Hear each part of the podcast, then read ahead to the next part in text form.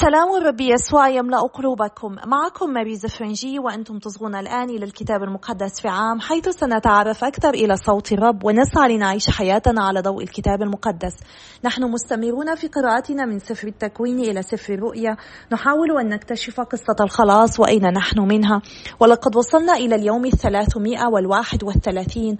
وسنقرأ اليوم الفصل العاشر من سفر أعمال الرسل. وسنبدأ بقراءة رسالة القديس بولس الأولى إلى أهل قرنطس بطرس ونقرأ الفصلين الأولين منها. وسنقرأ الآيتين الواحد والعشرين والثاني والعشرين من الفصل السابع والعشرين من سفر الأمثال. فلنبدأ بصلاتنا المعتادة. بسم الآب والابن والروح القدس إله واحد. آمين. أيها الرب القدوس الذي لا يموت قدس أفكارنا ونقي ضمائرنا.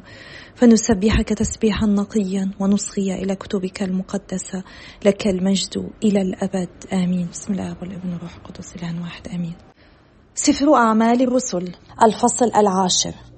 بطرس عند وثني. كان في قيصرية رجل اسمه قرنيليوس قائد مائة من الكتيبة التي تدعى الكتيبة الإيطالية. وكان تقيا يخاف الله هو وجميع أهل بيته.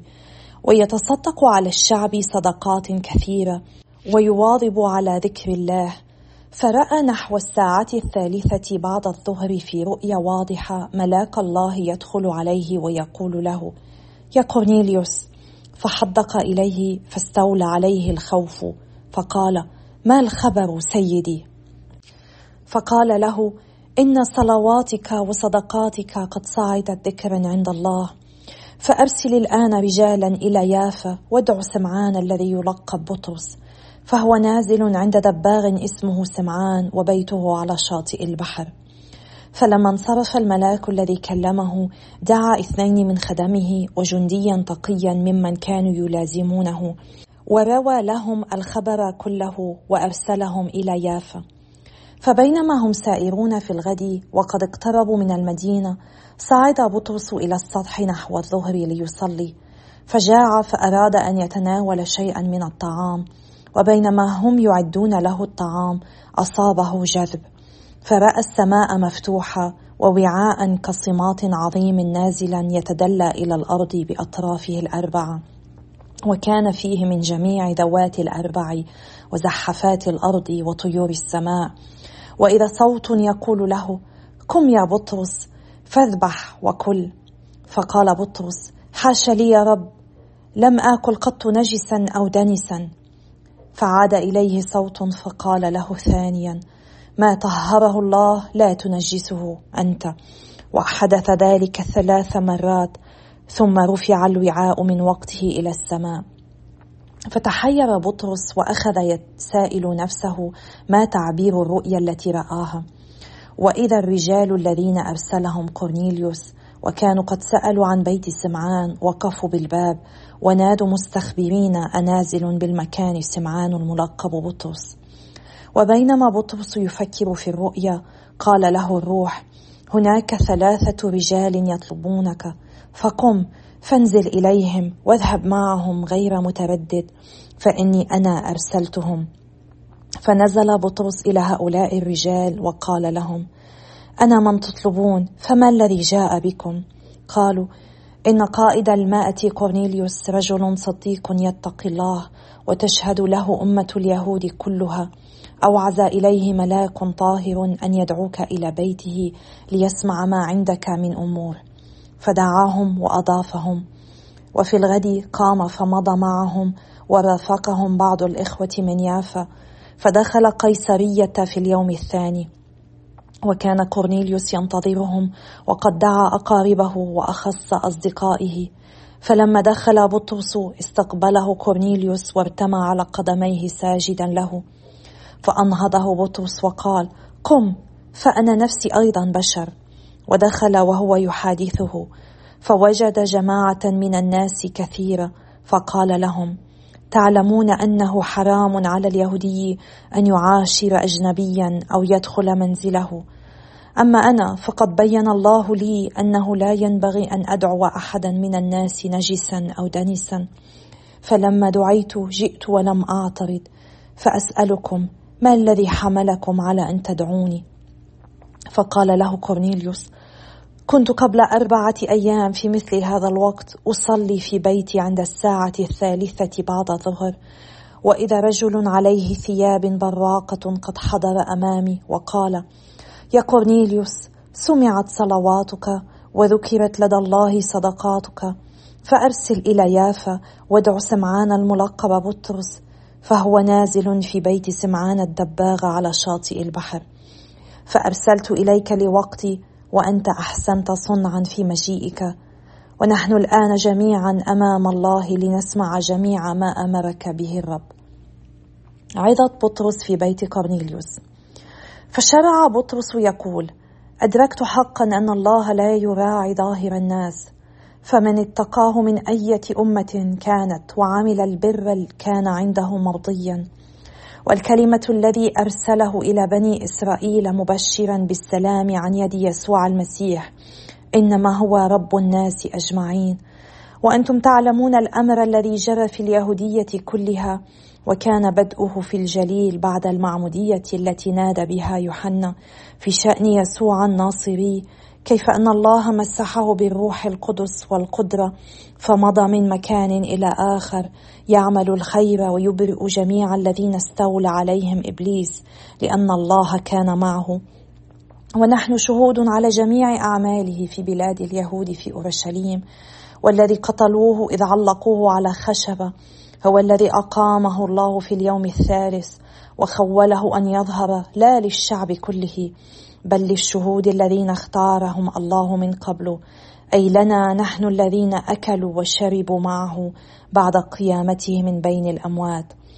وقد أوصانا أن نبشر الشعب ونشهد أنه هو الذي أقامه الله ديانا للأحياء والأموات.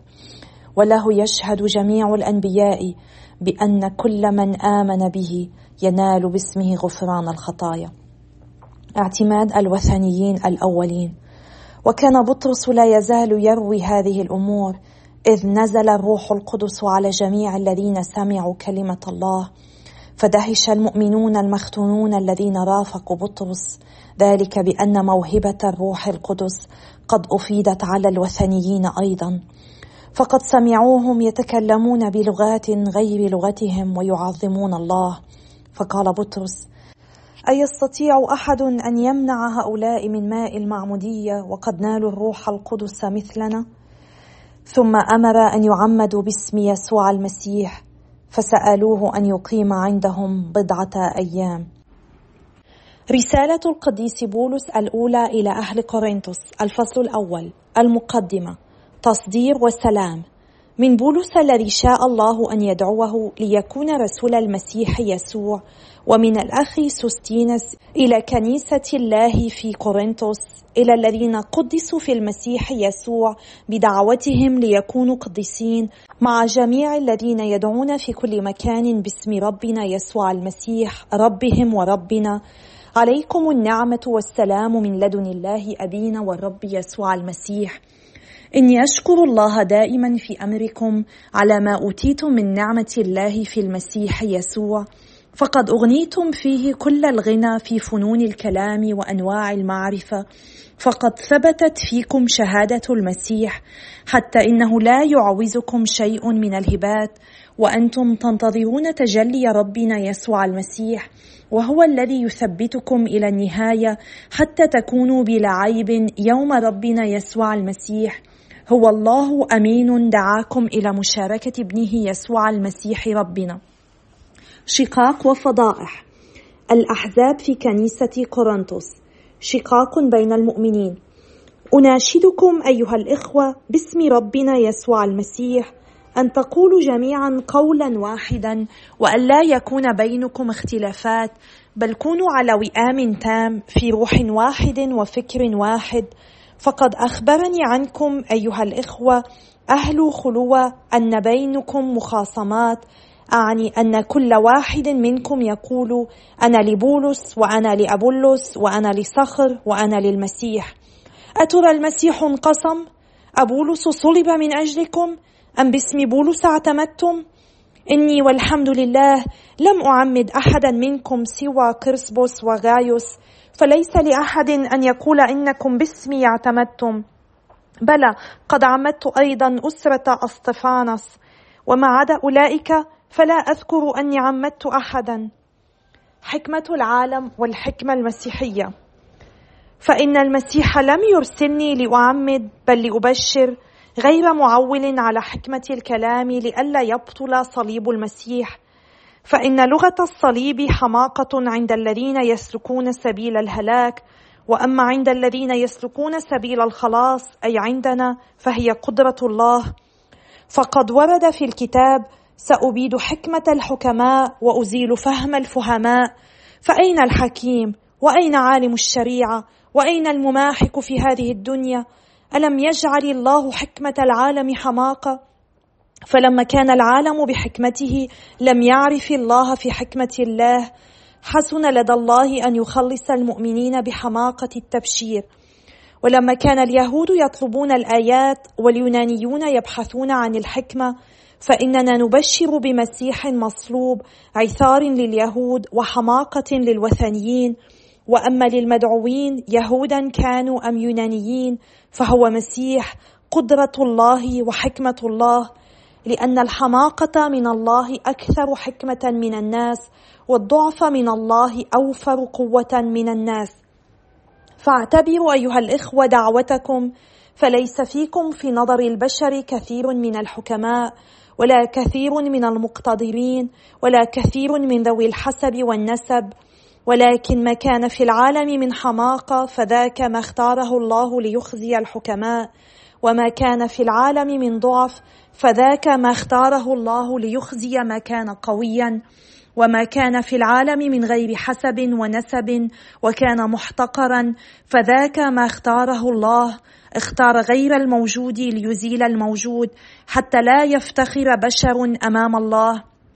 وبفضله أنتم قائمون في المسيح يسوع الذي صار لنا حكمة من لدن الله وبرا وقداسة وفداء ليتم ما ورد في الكتاب من افتخر فليفتخر بالرب الفصل الثاني وأنا أيضا لما أتيتكم أيها الإخوة لم آتكم لأبلغكم سر الله بسحر البيان أو الحكمة فإني لم أشأ أن أعرف شيئا وأنا بينكم غير يسوع المسيح بل يسوع المسيح المصلوب وقد جئت إليكم وبي ضعف وخوف ورعدة شديدة ولم يعتمد كلامي وتبشيري على أسلوب الإقناع بالحكمة بل على أدلة الروح والقوة كي لا يستند إيمانكم إلى حكمة الناس بل إلى قدرة الله.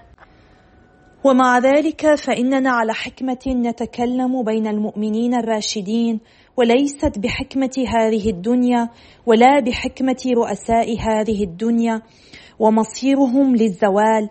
بل نتكلم على حكمة الله السرية التي ظلت مكتومة في الماضي تلك التي أعدها الله قبل الدهور في سبيل مجدنا ولم يعرفها أحد من رؤساء هذه الدنيا.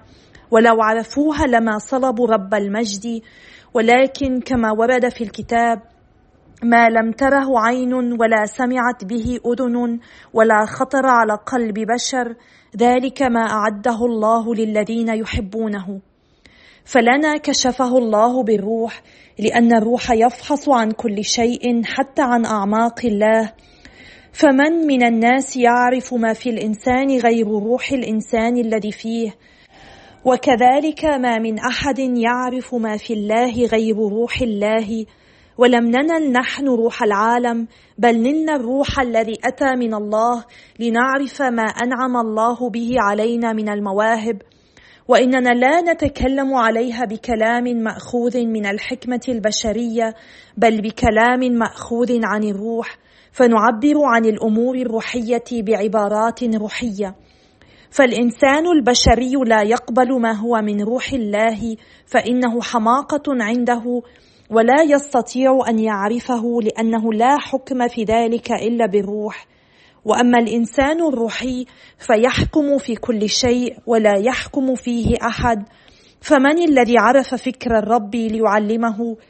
وأما نحن فلنا فكر المسيح. سفر الأمثال الفصل السابع والعشرون الآيتين الواحد والعشرون والثاني والعشرون. المذوب للفضة والبوتقة للذهب. وقيمة الإنسان بحسب سمعته. لو دققت الغبي في هاون بين الحبوب وبالمطرقة لما فارقته غباوته. أيها الآب السماوي إننا نسبحك ونمجدك. إننا نشكرك على عطية هذا اليوم وعلى عطية البدء بكتاب جديد في العهد الجديد. رسالة القديس بولس الأولى إلى أهل كورنثوس نشكرك يا رب لأن كل صفحة كل كلمة منك هي الحقيقة والحياة. أنت يا رب هو إله الحقيقة والحياة. ونشكرك لأنك تتكلم معنا وتعطينا النعمة والفرصة يا رب كي نصغي إليك. ساعدنا لنصغي إليك بانتباه أكثر. ساعدنا يا رب كي نقبل كلمتك برحابة صدر ورغبة في التغير. أعطنا يا رب أن ننال روحك القدوس وأن نسير بقوته أن نتكلم بقوته أن نحب بقوته أن نعيش بقوته. بدون روحك القدوس يا رب نحن لا شيء. لا تأخذ روحك القدوس منا أبدا يا رب لأننا نهلك لأن لا شيء فينا صالح. لذلك نتوسل إليك يا رب أن ترسل روحك القدوس فيتجدد وجه الأرض فيغيرنا ويعطينا القوة ويرشدنا ويعطينا النعمة كي نعيش دعوتنا كما أنت تريد من كل واحد منا. باسم الرب يسوع نصلي آمين. بسم الآب والابن والروح القدس إله واحد آمين. حقا إن كل ما نقرأه من سفر أعمال الرسل هو لرائع ومهم جدا. واليوم قرأنا عن رؤيا القديس بطرس التي أمره فيها الرب أن يأكل الطعام الذي كان يعتبر نجسا بموجب قوانين الشريعة اليهودية في العهد القديم. وهكذا استبدلت هذه القوانين بتوسيع الرب لمملكته إلى الأمم. لأن بعض الطعام كان محظورا بحكم شريعة اليهود. هذا جعل من الصعب جدا أن يشارك اليهود الوثنيين الطعام دون خوف من النجاسة. وفي الحقيقة كان الأمميون ذاتهم يعتبرون نجاسة بالنسبة لليهود. ومعنى رؤية بطرس ألا يعتبر الوثنيين شعبا أدنى وكأن الله لا يمكن أن يفديهم. أكبر حاجز لانتشار الإنجيل في القرن الأول هو صراع اليهود والوثنيين. فقد كان معظم المؤمنين الأوائل من اليهود وكان من العار أن يفكروا في التعامل مع الوثنيين لكن الله أمر بطرس أن يتكلم بالإنجيل إلى ضابط روماني اسمه كورنيليوس وأطاع بطرس الرسول برغم خلفياته وبرغم مشاعره الشخصية. أما الله فكان يعلن بكل وضوح أن أخبار المسيح السارة هي للجميع فيجب أن لا نسمح لأي حاجز أو عائق سواء كان لغة أو ثقافة أو حضارة أو تقسيما جغرافيا أو تصنيفا اقتصاديا أو تعليميا أن يمنعنا من نشر الإنجيل. ونحن غالبا ما نتساءل ماذا يحدث للذين لم يسمعوا قط عن المسيح. ونرى هنا أن كورنيليوس لم يكن مسيحيا لكنه كان يبحث عن الله كما أنه كان رجلا محترما مهيبا وكريما. لذلك أرسل الله بطرس إلى كورنيليوس كي يحدثه عن المسيح. ويعتبر كورنيليوس مثالا يظهر أن الله يكافئ الذين يسعون إليه. فإن من يبحث عن الله بجدية يجده. وقد أكمل الله معرفة كورنيليوس بحلول روحه القدوس عليهم عندما كان يبشرهم القديس بطرس حيث بدأوا يتكلمون بألسنة ويسبحون الله وهكذا أيضا هم تعمدوا وأصبحوا مسيحيين. وفي كل أمة وفي كل شعب هناك قلوب تتجه نحو الله مستعدة كي تقبل هذه البشارة السعيدة ولكن يجب أن يحمل أحد ما الإنجيل إليها. إن البحث عن الله لا يكفي يجب على الإنسان أن يجده. فكيف يمكن إذا للباحث عن الله أن يجده دون أن يدله أحد على الطريق؟ لذلك هو واجب علينا أن ندل غيرنا على طريق الرب. علينا أن ندع الله يستعملنا كي نحمل رسالته إلى كل العالم ونبشرهم بالرب يسوع. بدأنا اليوم أيضا بقراءة الرسالة الأولى إلى مؤمني قرنطس التي كتبها القديس بولس. وبعد حوالي أسبوع في الفصل الثامن عشر من سفر أعمال الرسل سنقرأ عن مجيء القديس بولس إلى مدينة قرنطس. وقد كان هدف القديس بولس من كتابة هذه الرسالة إلى أهل قرنطس كي يحدد المشاكل الموجودة في كنيستهم وتقديم الحلول وتعليم المؤمنين كيف يعيشون للمسيح في مجتمع فاسد. وبعد رحلته التبشيرية إلى كورنثوس اهتدى الكثيرون إلى المسيحية ولكن بعد مغادرة بولس كورنثوس بدأ الانقسام في الظهور حيث ادعى البعض أنهم ينتمون إلى بولس وآخرون إلى أبولس أو إلى المسيح. مما دفع القديس بولس ليتحدث عن هذا الموضوع في الفصل الأول من رسالته الأولى إلى أهل كورنثوس حيث كتب أن هذه الانقسامات تتعارض مع السبب الذي جعلهم يعرفون المسيح في المقام الأول من خلال قوة الصليب.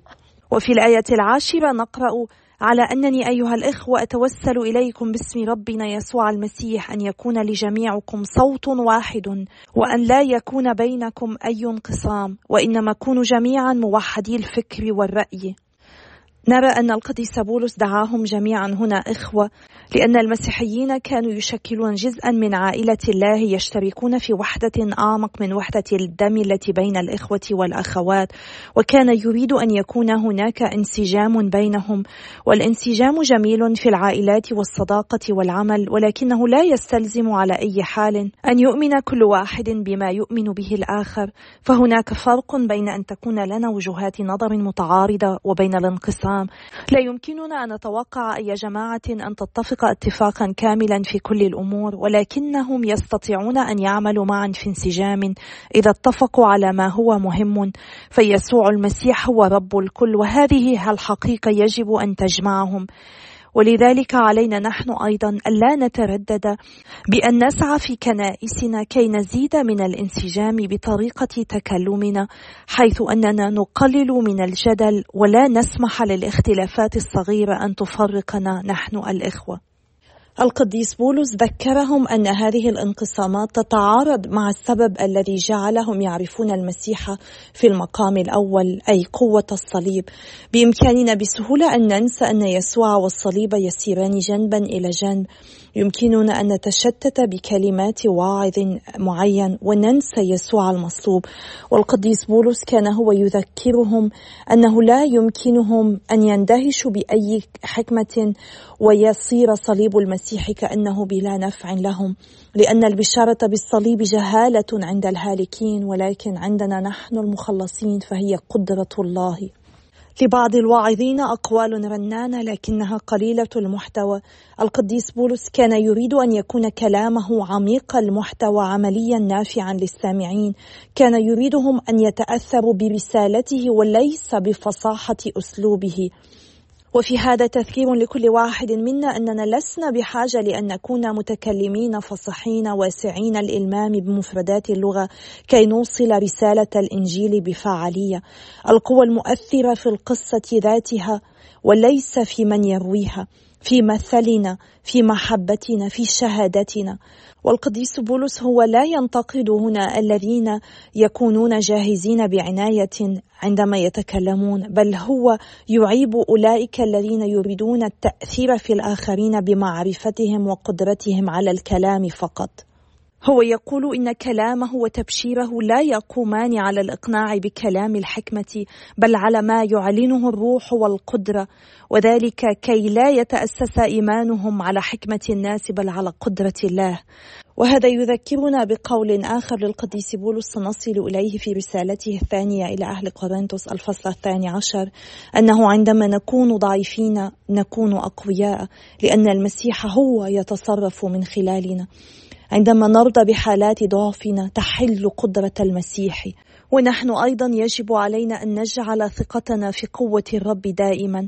ثقة بولس لم تكن في ذكائه الحاد أو مقدرته على الكلام بل في علمه أن الروح القدس كان هو يعينه ويرشده.